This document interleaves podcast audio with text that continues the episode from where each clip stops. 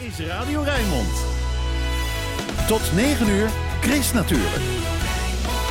Hier is Chris Veen. Goedemorgen. Het Natuurhistorisch Museum Rotterdam bereidt zich voor op een avondje doodleuk griezelen met Halloween. Met bijzondere vleermuizen en kerkuilen. Ook spinnen zijn verweven met Halloween. Tel nu alvast de spinnen in huis. Van hazen in de Alblasserwaard tot dolfijnen in Egypte. Vanaf dinsdag te zien op het Wildlife Filmfestival Rotterdam. Nelleke Noordervliet haalt herinneringen op aan haar jeugd in Rotterdam tijdens de wederopbouw. En dan hoor je altijd dit geluid. Je leest erover in het Wonder van Rotterdam. Je hoort erover in... Chris natuurlijk, met Chris Vemer.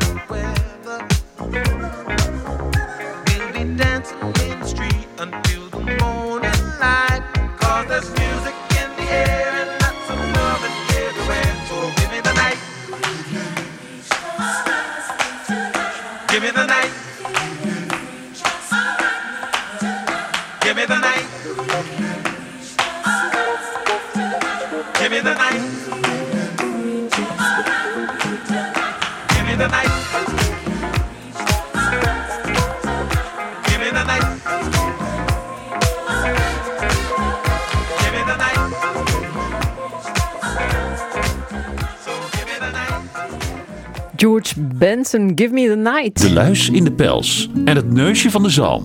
Straks weer te zien in het Natuurhistorisch. In het Natuurhistorisch Museum Rotterdam kun je volgende week gaan griezelen. In het weekend van Halloween is het museum vrijdagavond open voor een doodleuke griezelavond. En deze week is de spin-off. Chris natuurlijk baant zich een weg, of is het een web, door de krochten van het museum samen met Kees Moeilijker, de directeur.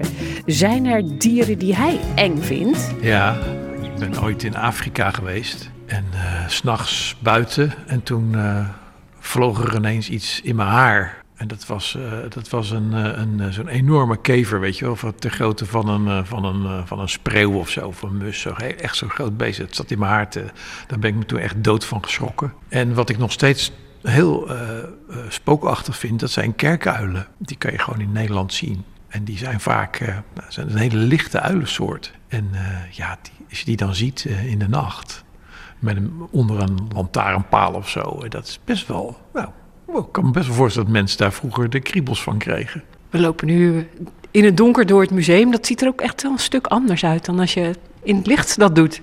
Ja, we gaan voor die eh, Halloweenavond. Op de 29e gaan we ehm, het licht natuurlijk een beetje aanpassen. Want dan heb je echt wel de, de, de avondervaring in het museum. En met licht kan je natuurlijk heel veel sfeertjes creëren. Dus dat gaan we doen. En nu is het licht hier. Omdat het nog 's morgens vroeg is uit. Nou is het ook al wel, Een beetje griezelig toch toch? wel een beetje griezelig, ja.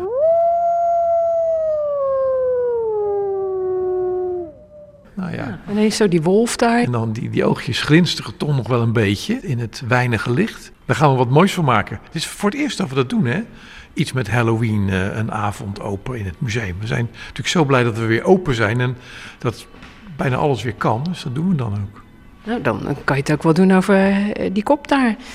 Oh ja, hier, dat is een mensenschedel. Ja, dat is natuurlijk ook een... eh, ja, daar gaan we natuurlijk een lichtje in zetten. Dat mag duidelijk zijn. Dat, die grote ogen, die, eh, die gaan glimmen straks. Wat ik wel leuk vind, eh, er komen drie bijzondere vleermuizen uit de collectie... die we normaal eigenlijk niet laten zien.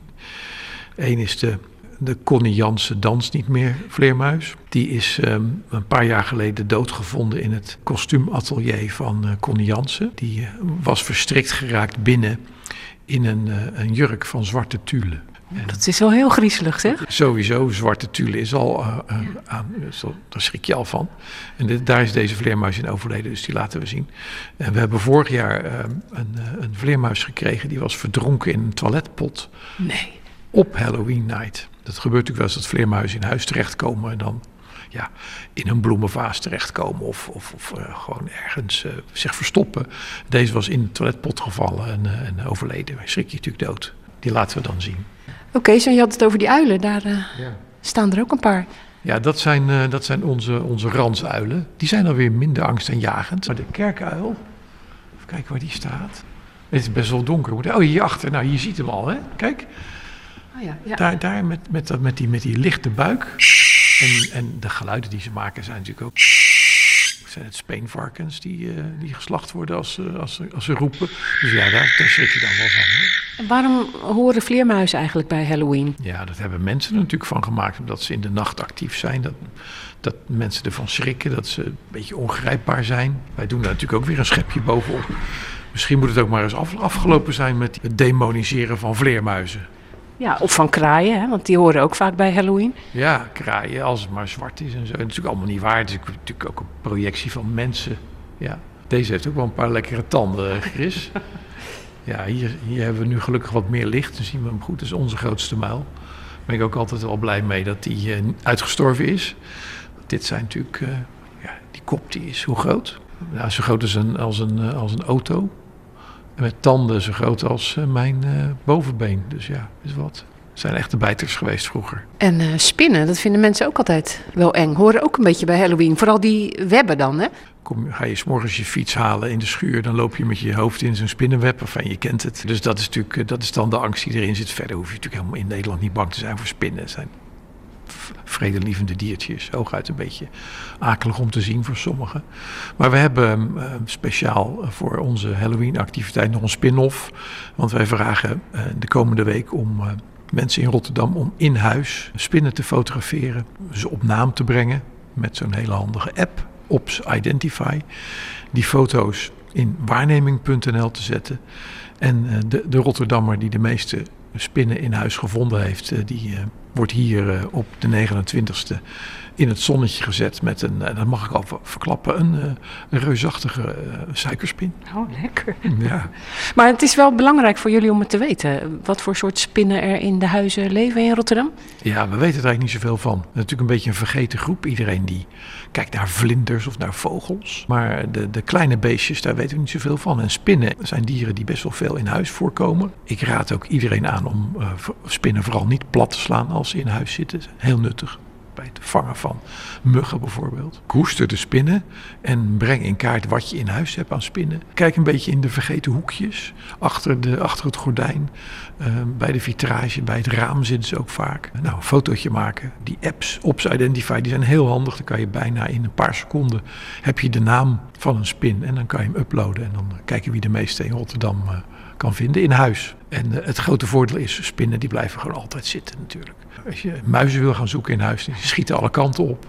Eh wil je vogels, eh, die denken er ook van, ik vlieg weg als je eraan komt. Maar een spin, die blijft natuurlijk altijd bij zijn web.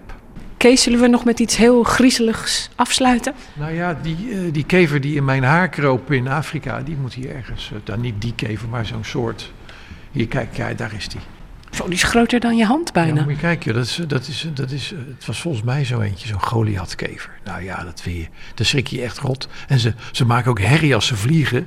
En je herkent het niet als een vogel en niet als een vleermuis. Je denkt, wat is dat nou? En dan ineens takken zijn ook keihard. Dan denk je van, nou, dit is het einde, einde der tijden. Maar goed, het is, blijft natuurlijk beperkt tot gewoon even een keer schrikken en dan eh, een keer het ABC achterstevoren opzeggen en klaar. Maar moet je je voorstellen, dit, nou, dat, dat overkomt je niet in het Kralingse bos hoor. Ja, Maar hier komt ook een spotje op, toch Ja, zeker? deze wel, ja, zeker. Vrijdagavond 29 oktober griezelen in het Natuurhistorisch Museum Rotterdam voor Halloween. En vergeet de spin-off niet. Tel de spinnen in je huis en geef ze door. Op chrisnatuurlijk.nl staat een link met meer informatie.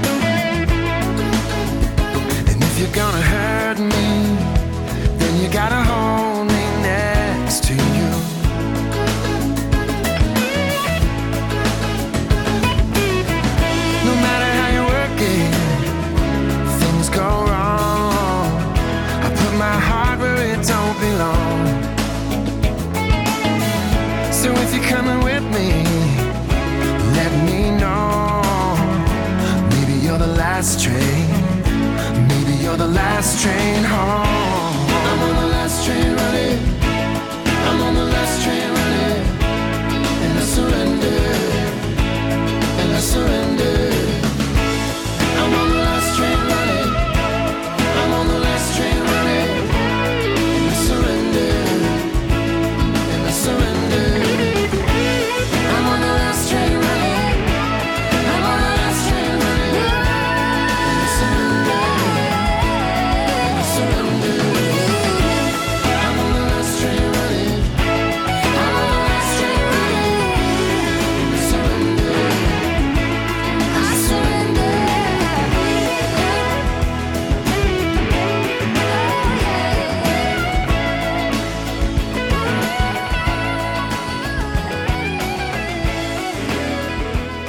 John Mayer, Last Train Home. Chris natuurlijk. Lekker lezen. Ach, de geuren van de havens en van Pernis. Ik ruik ze en ik ben onmiddellijk weer het meisje met de afzakkende sokken, de snottebel en te veel onhandelbaar krulhaar. Een buitenstaandertje, maar thuis. Het is een passage uit Het Wonder van Rotterdam. In dit boek haalt Nelleke Noordervliet herinneringen op aan de stad waar zij in 1945 werd geboren. Chris natuurlijk ontmoette schrijfster in Café Verhip in het Lloydkwartier in Rotterdam. Dat is vlakbij de Koolhaven waar zij als tiener woonde. Maar in het Lloydkwartier, dat toen natuurlijk ook nog geen Lloydkwartier werd genoemd, kwam ze nooit. Nou, nee, want het was gewoon haven. Ik bedoel, daar, daar werkte de buurman bij wijze van spreken. Maar al die haventerreinen, ook eh, Zuid. Ik bedoel, die hele kop van Zuid was haventerrein. En eh, bij, bij Katendrecht was er ook de Maashaven, de Waalhaven, noem maar op. Alles was haven. En nu eh, worden juist die haventerreinen gebruikt nou ja, voor de bouw van prachtige appartementen. Mensen kijken dan uit op de rivier. Ja, keken wij vroeger ook vanaf de koolhaven. Maar nu al lang niet meer. Er staat van alles tussen. Wat vind jij van Rotterdam, hoe het geworden is? Ja, Rotterdam is eigenlijk een stad met uitroeptekens allemaal.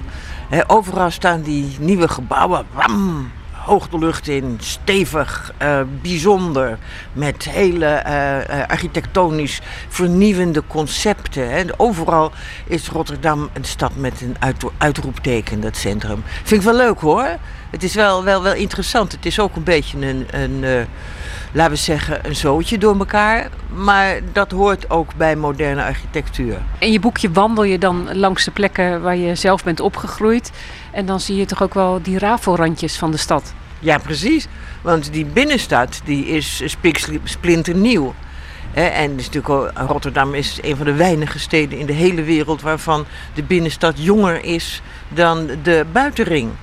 Eh, en die buitenring, dus die, die wijken waar ik ben opgegroeid, die zijn aan het verkommeren. Ik neem aan dat binnenkort die eh, huizen daar allemaal worden opgekocht door vastgoedmagnaten.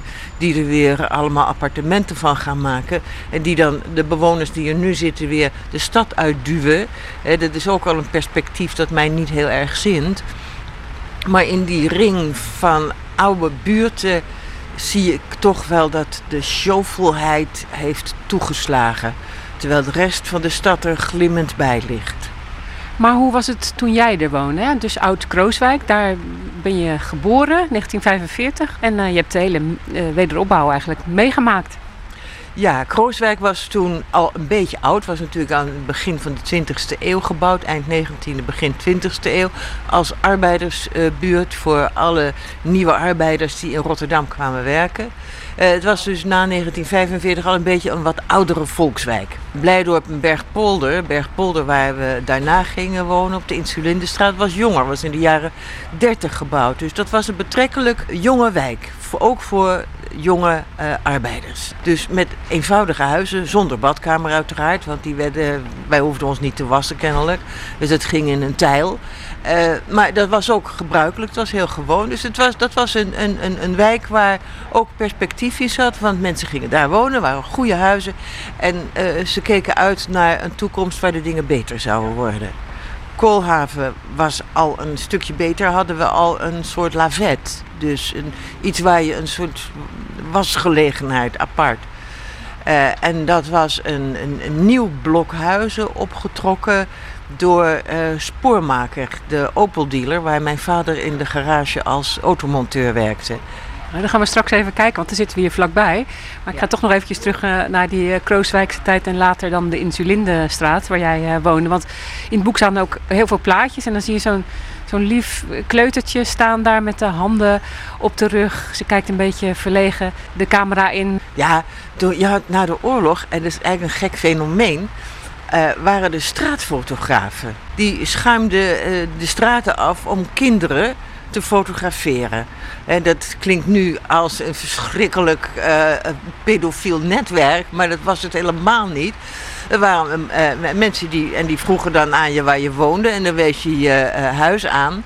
En dan kwam hij later, kwam die straatfotograaf met het pakketje foto's wat hij van de kinderen had gemaakt bij die ouders. En die ouders die moesten wel een foto afnemen. Hè, die man, ja, god, die moest ook leven. Dus het was een soort een fenomeen wat eh, eh, vaak voorkwam. Wat voor kind was je? Een heel verlegen kind. Ik was heel lief, heel volgzaam. Het was heel prettig om mij als kind te hebben, geloof ik. Maar ik, ik was ook een beetje een, eh, een, een sukkel hoor. In die zin dat ik nooit voor mezelf opkwam. Maar ik was niet heel erg ongelukkig, geloof ik. Waarom heb je dit boekje geschreven? Ik vond het wel leuk om die verschillende teksten waar eh, Rotterdam in voorkomt, waar Rotterdam het decor is of de inspiratiebron, om die teksten eens bij elkaar te hebben en om een soort herinnering te schrijven, een overzicht te schrijven en een, een wandeling langs die adressen en wat eh, die adressen bij me oproepen. Als een soort verbindend eh, geheel, een verbindende tekst die al die eh, andere teksten bij elkaar haalt. Dus dat eh, vond ik wel leuk om dat eens te doen. Ja, want die andere teksten, dat, dat gaat bijvoorbeeld... eh, het is bijvoorbeeld een gedicht over het bombardement. Ja, dat, een vlaag van troost is een lang verhalend gedicht met eigenlijk de posttraumatische stressstoornis van het bombardement in eh, Rotterdammers die dat hebben meegemaakt en wat dat teweeg brengt en hoe je dan weer de draad oppakt in de jaren 50. Eh, ja, geïnspireerd inderdaad op eh, ons eigen verleden hier als Rotterdammer. En die mentaliteit van, nou ja, we gaan gewoon door, mouwen opstropen, die was er ook echt. Ja, die, die was er echt. Er werd niet zoveel over de oorlog gepraat. Dat grote gat wat het centrum was, dat moest gevuld worden. Er moest weer gebouwd worden. Mensen moesten wonen. Er moesten huizen worden gebouwd. Dus er was genoeg te doen. Die haven moest weer uit het slop. Dus er was, er was genoeg te doen. Moet je niet zeiken over het verleden. Dat is geweest. En we kijken vooruit. Huppakee. Maar hoe was het dan voor jou om op te groeien? Want er staan heel veel plaatjes ook in het boek. Hè? Bijvoorbeeld ook eh, op de voorkant zie je dan eh, al die kinderen daar staan spelen in een plas. En dan zie je op de achtergrond zie je wat huizen. Maar voor de rest is gewoon één grote leegte. Ja, dat was het ook. Wij, eh, ik zat dan, wij woonden toen in de Insulindestraat, toen ik op de lagere school zat. En eh, na de Insulindestraat was er eigenlijk niks meer. De Gordelweg en dan daarachter had je wat volkstuinen en ja, wat wilde grond, woeste grond. En wat ze deden was ook om de haverklap bij onze straat openbreken. Want dan moest er een nieuwe riolering in of weet ik veel wat. En dan lag die straat heel lang open. Daar, daar speelden we in. Nu worden dat soort plaatsen allemaal afgeschermd met hekken. Maar wij bouwden van bakstenen en van, eh, van die grote houten planken bouwden we schepen. En je ging ook gewoon alleen naar de kleuterschool. Hè? Je werd niet gebracht. En Best wel ver weg eigenlijk. Ja, ik verbaas me daar achteraf nog steeds over. Ik, ik moest van de Insulindestraat naar de Bieslandstraat. Dus ik moest de Rode Rijsselaan geloof ik oversteken. En de Akkersdijkstraat en de Berg Singel. Dus ik moest zeker drie straten oversteken. Dat zal, ongetwijfeld eh, tien minuten of een kwartier lopen zijn geweest. En, en daar ging ik. Ik, en ik weet dat omdat het een van de verhalen was dat ik een keer niet op tijd thuis was. Nou, als vierjarige, vijfjarige. En dat mijn moeder angstig mij tegemoet kwam en mij toen zag lopen met mijn vriendje Robbie Kanaar aan de hand. Wij liepen hand in hand, hadden we de berg Singel een stukje afgelopen. Dat leek ons leuk. dus, en omdat mijn moeder toen zo ontdaan was en mij dat nog steeds eh, heugt, ze bracht ons ook niet naar school. Ze haalde ons niet. Wij gingen gewoon zelf. Naar de Verzijdenstraat liepen we. Moest je de Schieweg oversteken. De Walenburgerweg oversteken. Dat deed je vanaf, vanaf mijn zesde tot, tot we daar weggingen. Ongelooflijk. Op je tiende ging je weg. Het werd een, eh, een heel andere plek eigenlijk waar je naartoe ging. Daar gaan we eens even kijken. Vind je dat goed? Ja, Koolhaven. Nou Nelleke, we lopen dus eh, richting Koolhaven. Aan de rechterhand zagen we net al de Euromast. eh, die heb jij helemaal zien eh, opbouwen, geloof ja. ik. Ja, ja, ja, ja. Van de bodem af. Ja, en dan hier een aantal scholen. Wat nu bijvoorbeeld theater, HAVO eh, is. Dat was vroeger. Dat was vroeger volgens mij het Rotterdams Lyceum. Ja. Ik kan me vergissen, maar ik dacht van wel. De zeevaartschool hier. De Hogere Zeevaartschool, dat, eh, dat was de opleiding voor eh, stuurlui. En wij woonden tegenover de machinistenschool. En dat was de opleiding voor boordwerktuigkundigen, machinisten. Dus die zaten in de ketels van de schepen. En daar kon, konden jullie naar binnen kijken, geloof ik. Ja, daar kon ik naar binnen kijken. Dat zou je zo zien. Vanuit mijn eh, slaapkamerraam keek ik zeker zes klassen in. Willem Buitenwegstraat. Hier eh, liep ik soms naar school over die brug. Als de bruggen op de parksluis eh, dicht waren, of open waren eerlijk gezegd, dan nam ik deze brug. Ja, want het is een eilandje Het eigenlijk. is een soort eiland. Je moet altijd een brug over als je hier uit deze buurt weg wilt. Dit waren ook van die scheepvaartverenigingshuizen. Scheepvaartvereniging Zuid, Scheepvaartvereniging Noord. Ik weet het allemaal niet wat daar zich afspeelde, maar Maar wel echt een hele andere sfeer, denk ik, dan in de Insulinderstraat. Ja, dit was toch een buurt ergens eh, op de grens van de, van, van de havens. Waar dus ook veel eh, kantoren van reders en zo zaten. Ja, en, en eromheen was niet zoveel, want eh, ja, nu is het natuurlijk helemaal volgebouwd. Hier aan de overkant was helemaal niks. Dat was zo'n landje waar we dan voetbalden en speelden. En we keken vanuit ons huis naar de Maas. Waar we dus de Statendam langs zagen varen. En de Rotterdam en de Nieuw-Amsterdam. Dat zag je zo langs gaan. Leuk. Mooi hoor, was een mooi uitzicht. Maar Ja, en, en de, het belastingkantoor, was, was Ja, dat er al? die was er wel, de Plukmekaalstraat. Ja. In de Puntengaalstraat en dan noemden Rotterdammers de Plukmakaalstraat. was eh, volkomen terecht, die bijnaam. Kijk, en dit is het blok waar, ehm, waar wij woonden, waar eh, Spoormaker zijn, eh, zijn medewerkers heeft gevestigd. En beneden, waar nu een Turkse supermarkt is, stonden dus de auto's in de showroom. En eh, dat getik dat je hoort in de reportage, dat is de regen, de stromende regen waarin wij de opname met Nelleke Noordervliet hebben gemaakt. Dit weekend eh, waarschijnlijk, nou ja, droog, maar dat moeten we van eh, onze weerman Ed Aldus horen straks. En na half negen dan praten we verder over het wonder van Rotterdam, het boek waarin de schrijfster herinneringen ophaalt aan haar jeugd in Rotterdam. Maar nu Chris Natuurlijk. De weekendbijlage. Hoog tijd voor. Om te weten wat er in de weekendkranten staat over groen en natuur. En je hoort dat in het overzicht dat ik vandaag samenlees met Martin van der Boogaard. Dag Martin, goedemorgen. Ja, goedemorgen Chris. Ja, ehm, in, eh, in Trouw staat een eh, reportage vandaag over de Climate Miles. Dat is een eh, wandeltocht van Groningen naar Glasgow om aandacht te vragen voor het klimaat. Marjan Minnesma, dus directeur van de stichting Urgenda, wandelt in etappes mee en iedere etappe sluit er andere wandelaars aan. En vandaag gaat de tocht van Gouda naar Rotterdam, waar Minnesma de trein pakt om vervolgens nog van Edinburgh, moet je geloof ik zeggen, naar eh, Glasgow te lopen. En daar begint in eh, november die klimaattop. Wel een beetje slap dat ze de trein pakt, vind je niet? Nou, hoe zou jij dan zwemmen? Hoek van Holland, de waterfiets. De tuimelaardolfijn die nu in de Oosterschelde zwemt, die is puntgaaf. Geen krasje, geen bultje, geen litteken te zien. Mogelijk zoekt het beest een partner, maar dan moet het wel opschieten, want zoveel eten is er niet in de zeearmen, schrijft het AD in een reportage. Ja, het weet niet voor niks een zeearm. Ja, dat is niks te halen natuurlijk. In eh, de serie eh, Vrij in NRC gaat het deze week over een eh, paddenstoelenwandeling. En van de gids horen de deelnemers dat het eigenlijk verboden is om paddenstoelen te plukken. Ja. Nou ja, ik denk dan, waarom zou je dat doen? Nou ja, de- om te eten? Ja, maar dan ga je toch dood? Nou, nou niet allemaal. Nee? Nou, Nou, er stond ook in het verhaal over de, de vliegenzwam. Hè, dat je die in ieder geval niet moest eten omdat die hallucinerend werkte. die en toen zei een van de deelnemers, dat vind ik juist lekker. Maar ja, dan, krijg je wel geloof ik enorme buikpijn. Ja, ja.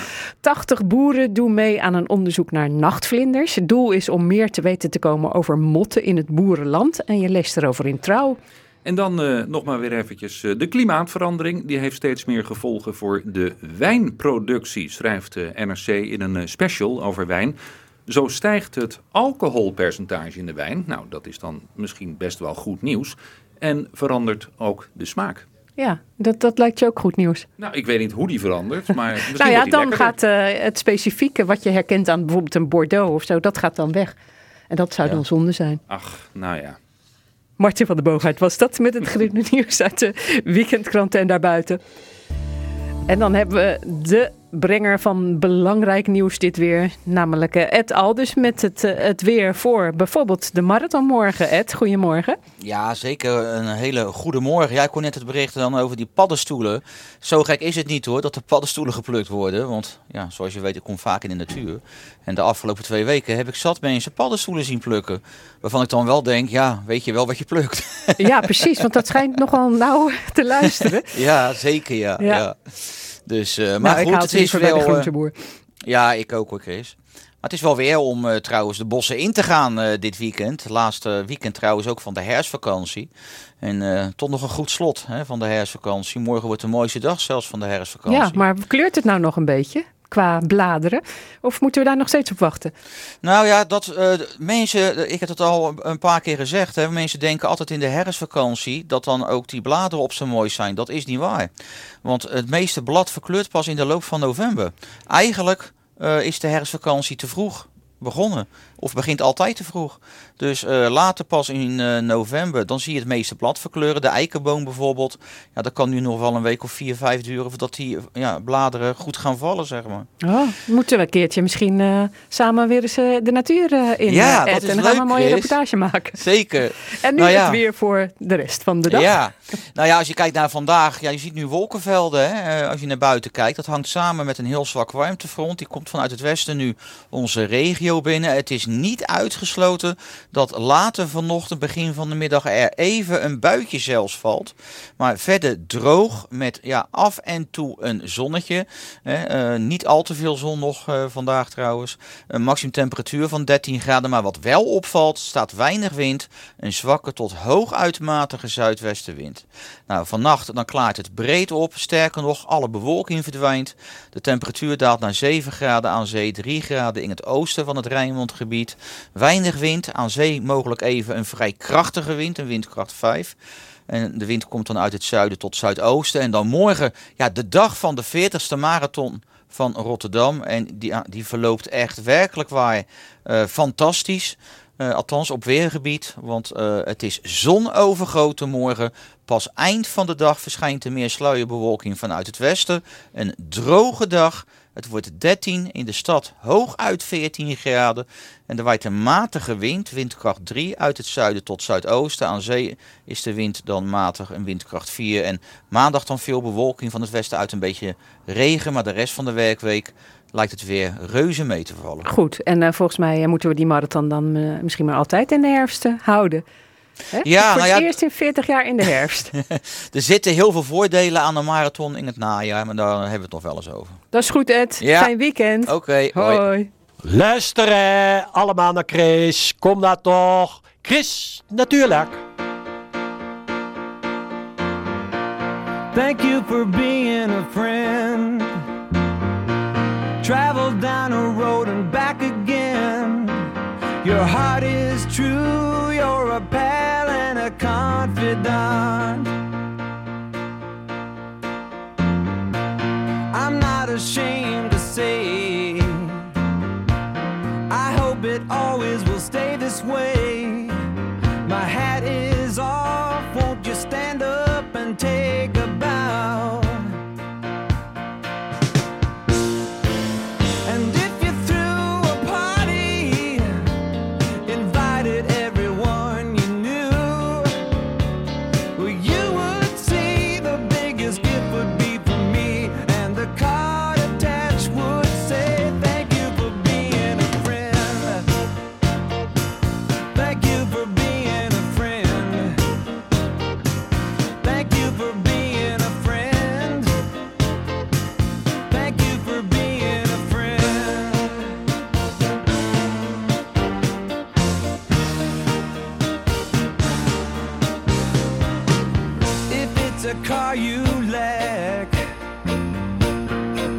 les bats.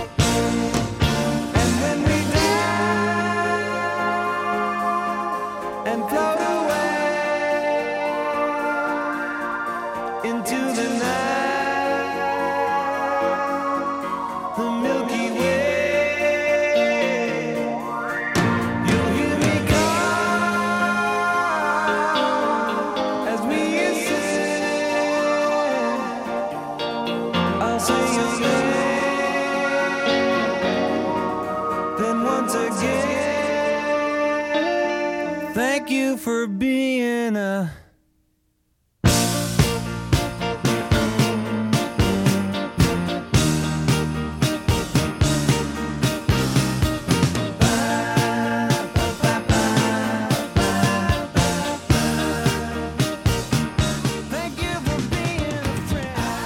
Andrew Gold, thank you for being a friend. Chris natuurlijk, op Radio Rijnmond.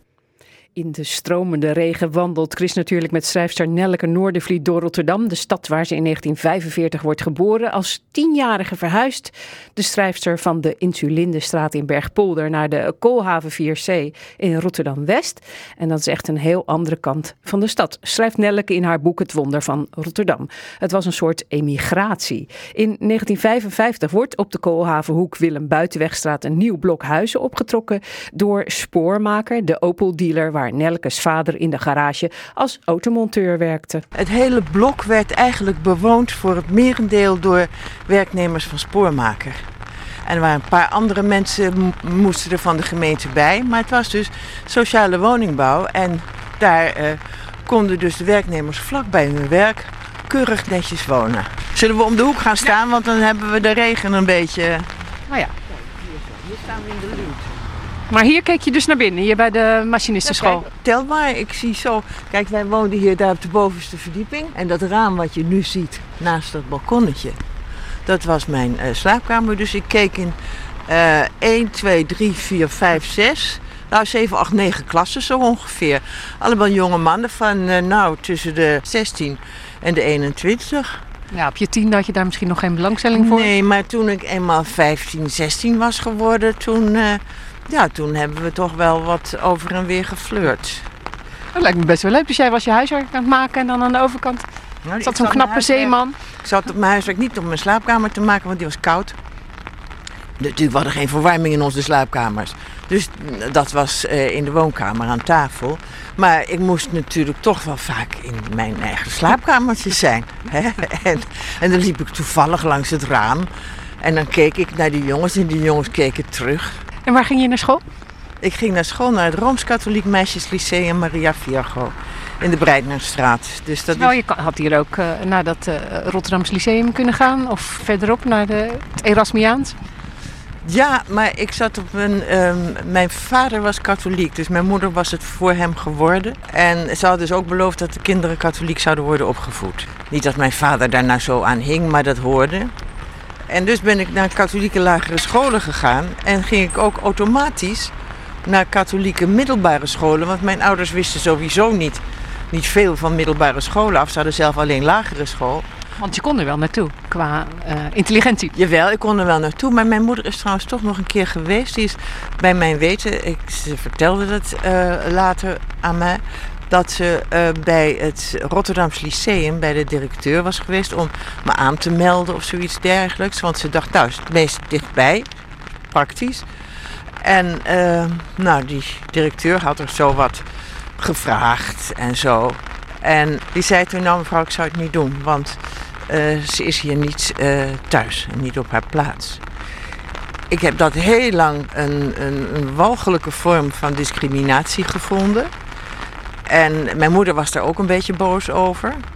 Maar achteraf denk ik dat hij geen ongelijk had. Alsof hij mij wilde beschermen tegen die negativiteit van het klassenverschil. Ik denk dat het allebei is. Dat hij mij ook niet wilde. En tegelijkertijd dat het ook wel beter vond voor mij en daar misschien gelijk in had. Maar eigenlijk zijn de tijden niet eens zoveel veranderd, toch? Nee, zeker niet. Want eh, ik liep laatst door eh, de Gaffelstraat en de Jozefstraat in Rotterdam. En er ging een school uit, even pauze. En ik geloof dat er honderd kinderen op, z'n- in- op het speelterrein liepen. En met heel veel moeite heb ik één jongetje kunnen onderscheiden dat duidelijk van Nederlandse afkomst was.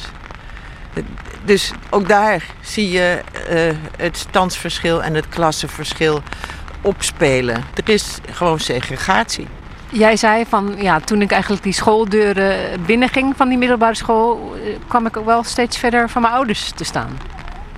Ja, omdat mijn ouders, die zeiden ook van ja, lyceum, gymnasium, wij hebben alleen lagere, we kunnen je niet meer helpen. We kunnen je niet helpen met je huiswerk. Dus je moet het echt helemaal zelf doen. En dan kom je natuurlijk intellectueel in een andere wereld. Die nog eens een keertje extra werd benadrukt toen ik in Leiden ging studeren. Dus enerzijds ging ik weg uit mijn eigen milieu, maar ik heb mij daar altijd in thuis gevoeld. Ik heb, ze, ik heb ze nooit verstoten of zoiets dergelijks. Tegendeel, helemaal niet. Je bent weggegaan uit je eigen milieu. Je bent weggegaan uit je eigen stad waar je bent opgegroeid. Waar je je wortels hebt. Ja, en ik heb overal gewoond verder in Nederland, bij wijze van spreken. Maar ja, die stad Rotterdam is toch de enige stad waar ik echt mag zijn. Wat bedoel je daarmee? Nou, hier ben ik geboren, dus dit is mijn stad. En overal elders ben ik een indringer, een, een immigrant. En dit is mijn geboortegrond. Dus hier hoor ik thuis. En heb je dat dan ook als je bijvoorbeeld eh, weer binnenkomt eh, met de trein bij het Centraal Station en Ja. je stapt eh, de stad in? Ja, altijd denk ik zo, dat is mijn stad. Daar ben ik toch trots op, op de een of andere manier. Je mag erop afgeven, op kankeren, maakt niet uit. Maar ik ben er toch trots op. En je leest er meer over in je boek. Ja.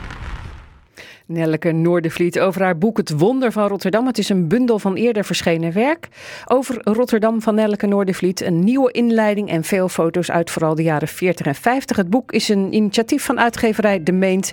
Kost in de winkel 19 euro en 99 cent. En er is één luisteraar die het boek kan winnen. 010 436 4436. En je maakt kans. Hey, where did we go? Days when the rains came. Down in the hollow, playing a new game. Laughing and a running, hey, hey. Skipping and a jumping. In the misty morning fog with all our hearts a thumping and you, my brown eyed girl. And you, my brown-eyed girl. And whatever happened to Tuesday and so slow? Gone down the old man with a transistor radio. Standing the laughing, hiding behind a rainbow's wall. Slipping and sliding all along the waterfall with you, my brown-eyed girl. You, my brown-eyed girl. Do you remember when we used to sing sha la la da just like that. Sha la la la la la la la la la da la da.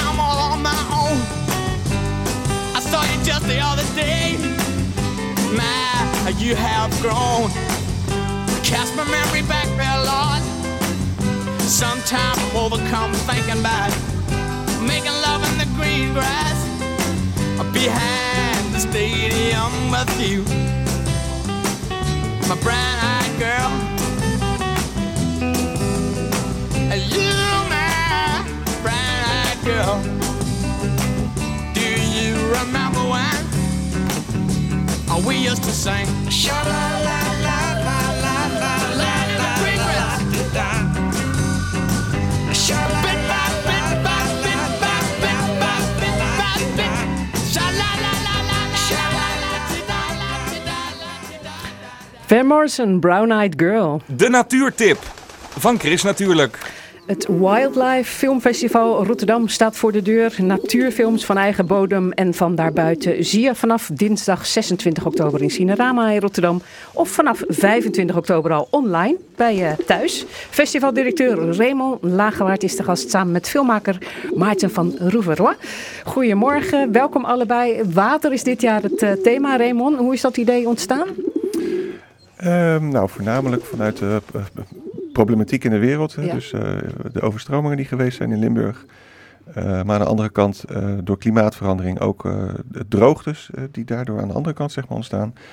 Daar, daar, daar, daar hadden we een gevoel bij, daar moesten we iets mee. En op een gegeven moment kregen we ook een aantal mooie inzendingen over water.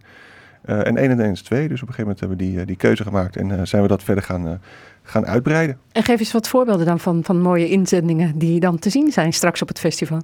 Nou, een prachtige film is eh, H2O, The Molecule That Made Us. Een mooie film die precies van A tot Z beschrijft wat dan precies de problematiek is, hoe dat, in- dat wordt mooi in kaart gebracht. En er worden oplossingen aangedragen, wat er zou moeten gebeuren. Eh, daar zijn we natuurlijk nog lang niet, eh, maar dat, dat is een voorbeeld van een mooie film. Ander, film is, of een ander voorbeeld is dat we na afloop van de films eh, uitgebreid napraten met een aantal filmmakers en deskundigen over dit onderwerp, wat we zouden moeten doen, wat de situatie is. Dus ja, op die manier geven we er aandacht aan. Ja, en Maarten, jij bent eh, behalve filmmaker eh, ook marinebioloog. Hè? Dus dan heb je de studie eh, van het leven van de zee gedaan. Dat moet jou wel aanspreken, denk ik, zo'n thema als water. Ja, ik zit helemaal goed met dit thema, maar ik heb natuurlijk met zoutwater te maken, inderdaad. Ja. Ja, water is water, toch? Ja. Of niet, toch wel. Maar ja, heb jij wel iets met zo'n zo'n aan je studie als je hè, filmt met- met marinebiologie? Ja, heel veel. Want uh, nou ja, goed, ik, ik speel daar natuurlijk zelf uh, ook een beetje een rol in. In die zin dat ik uh, heb projecten die met de oceanen te maken hebben naar me toe trek. Of zelf initieer. Zoals de film, de korte film die ik heb gemaakt die nu op het festival draait. Ja, maar wat, wat kan je dan gebruiken van je studie? Uh, nou, toch de, de, de, kennis over de natuur natuurlijk. Ook, ook misschien een beetje het, het, academische denken, of tenminste het, het, het researchen van een verhaal. En het, het, het helpt natuurlijk als je uh, het een en ander weet over biologische processen. Um, uh, dat helpt je natuurlijk bij het kijken en bij het filmen van, van de natuur. Ja, en jouw film, die korte film, heet The Corona Comeback of Egypt Dolphins. Wat is dat voor film? Ja, dat is eigenlijk ontstaan. Ik wilde natuurlijk tijdens de coronatijd ook ontsnappen. En ik kende de hoofdrolspeler uit, uh, uit deze film, Angela, kende ik heel goed. Als het programma Wedden Dat nog had bestaan, dat is een beetje voor de oudere luisteraars, dan was hij een goede kandidaat geweest. Hij kan de, de 350 dolfijnen daar uh, in Egypte, uh, in dat gebied rond Hurghada, kan zij individueel herkennen. En uh, die heeft ze ook al vaker gefilmd. Bijvoorbeeld en dat met, herkent ze dan bijvoorbeeld aan ja, met een flipper of zo? Ja, ze, nee, ze herkent ze aan hun, aan hun vinnen, aan ja. hun rugvinnen en aan de markeringen daarop. En die dolfijnen reageren ook heel bijzonder op haar. En we hadden eigenlijk al het idee, ik kende haar dus van een eerder project, om daar een keer terug te komen. En um, toen die coronatijd dus uh, begon, uh, verdwenen alle toeristen uit dat gebied. En onder normale omstandigheden worden die dolfijnen daar eigenlijk best wel uh, gepest of lastiggevallen door, door het overtoerisme. En nu zijn die toeristen dus weg. En zij had dus eigenlijk een soort hypothese van, gaat dat het gedrag ook beïnvloeden van de dolfijnen? En dat is dus inderdaad wat er gebeurde. Die dolfijnen die gebruiken die riffen om daar eigenlijk te rusten en ook allerlei ander gedrag uh, te vertonen. Ook hun paargedrag uh, gebeurt daar.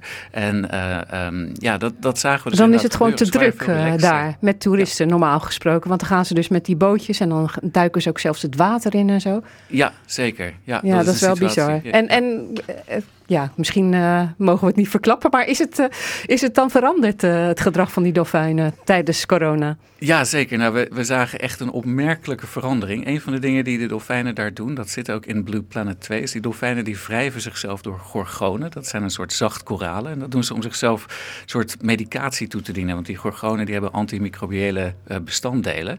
Maar dat is vrij zeldzaam gedrag. Dus Angela zei tegen mij, nou dat ga je waarschijnlijk niet zien. Nou, op dag 1 zagen we het, op dag 2 en ook op dag 3. En zij kwam op een gegeven moment echt boven water met ogen zo groot als schoteltjes. Die zei van, nou dit is echt niet normaal. Dus wij zagen die dolfijnen echt heel relaxed zijn. Heel veel tijd doorbrengen op dat rif. En uh, ja, eigenlijk gewoon weer een soort natuurlijke situatie die zich uh, herstelde. Ja. ja, en dan vraag je af hoe het nu is. Ja, nu gaat het weer een beetje de verkeerde kant op. Eh, eh, nu keren die toeristen weer terug en worden inderdaad die dolfijnen weer lastiggevallen. Maar er heeft ook in eh, El Guna, dat is dus vlakbij de plek waar wij gefilmd hebben, heeft net een heel groot festival, ook filmfestival, ook plaatsgevonden. En daar is deze film ook vertoond. Nou, ik, ik heb van Angela gehoord dat mensen echt met tranen in de ogen hebben staan kijken, of zitten kijken. Nou, hartstikke mooi. Maar hopelijk creëert dat een beetje een bewustzijn en, en opent dat de deur om, om nu ook echt verandering aan te brengen.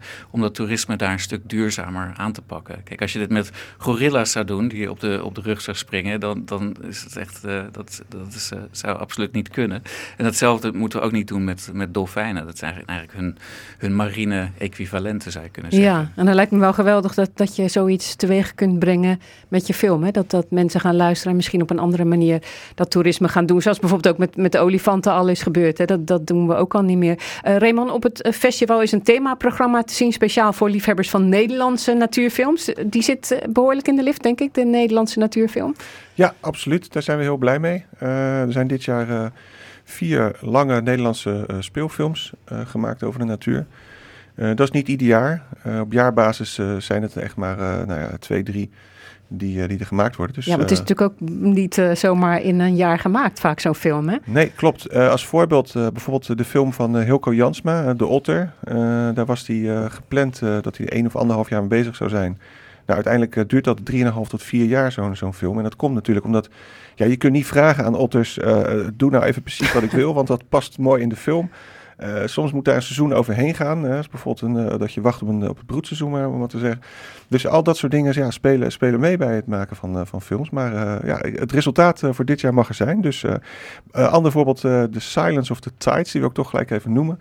Openingsfilm van dit jaar. een film van Pieter Rim de Kroon. prachtige film over het, het Waddengebied in, in, in Nederland. zonder voice-over. Dus de, de film vertelt volledig uh, de beelden moeten het verhaal vertellen. Nou, dat heeft hij echt werkelijk op een, op een prachtige manier uh, gedaan. Een film die je echt ook in de bioscoop moet zien. Uh, ja, dus kunt... niet online, want dat kan natuurlijk ook op het festival. En wat natuurlijk ook uh, aardig uh, is, is een film over het rijke dierenleven in de Alblasserwaard. Hè. Dat is ons uh, centgebied. En uh, de presentator die vroeg vorige week nog aan Stijn Philips over de toffe dieren die er dan allemaal in de Ablasserwaard wonen. Maar zijn er nou ook nog dingen die jou verbaasd hebben bij het maken van die film? En dit was zijn antwoord. Ja, ja toch wel, zeker. Ja, toch wel die, die levens van die dieren, als je er echt in gaat duiken, dan kan je er van alles over lezen. Maar dan als je ze echt volgt, en je volgt die levens. Ik heb op een gegeven moment heel lang bij een familie bevers gezeten. Probeer zo'n familie in de gaten te houden. Ja, dan word je gewoon verwonderd door de routines die die bevers hebben. Het verzorgen van die jongen. Ja, dat, dan, dan, dan kan je niet anders dan verrast zijn en verwonderd zijn. Ja, en uh, daarmee zijn we ook aan het einde gekomen van uh, Chris natuurlijk. Ik denk dat iedereen gewoon zelf moet gaan kijken en zich laten verrassen op het uh, zevende Wildlife uh, Filmfestival Rotterdam in Cinerama 26 tot met 31 oktober of online. Maar ja, dat is toch wat, wat minder leuk, Raymond. Van Absoluut. 25 oktober tot 7 november. Raymond en Maarten, ik wens jullie een heel mooi festival en dank voor jullie komst hier naar Rijnmond. Ja, Dit was Chris natuurlijk. Bedankt. We zijn er volgende week weer met nieuwe programma's. En uh, morgen dan kun je ook nog luisteren naar nieuws uit de natuur.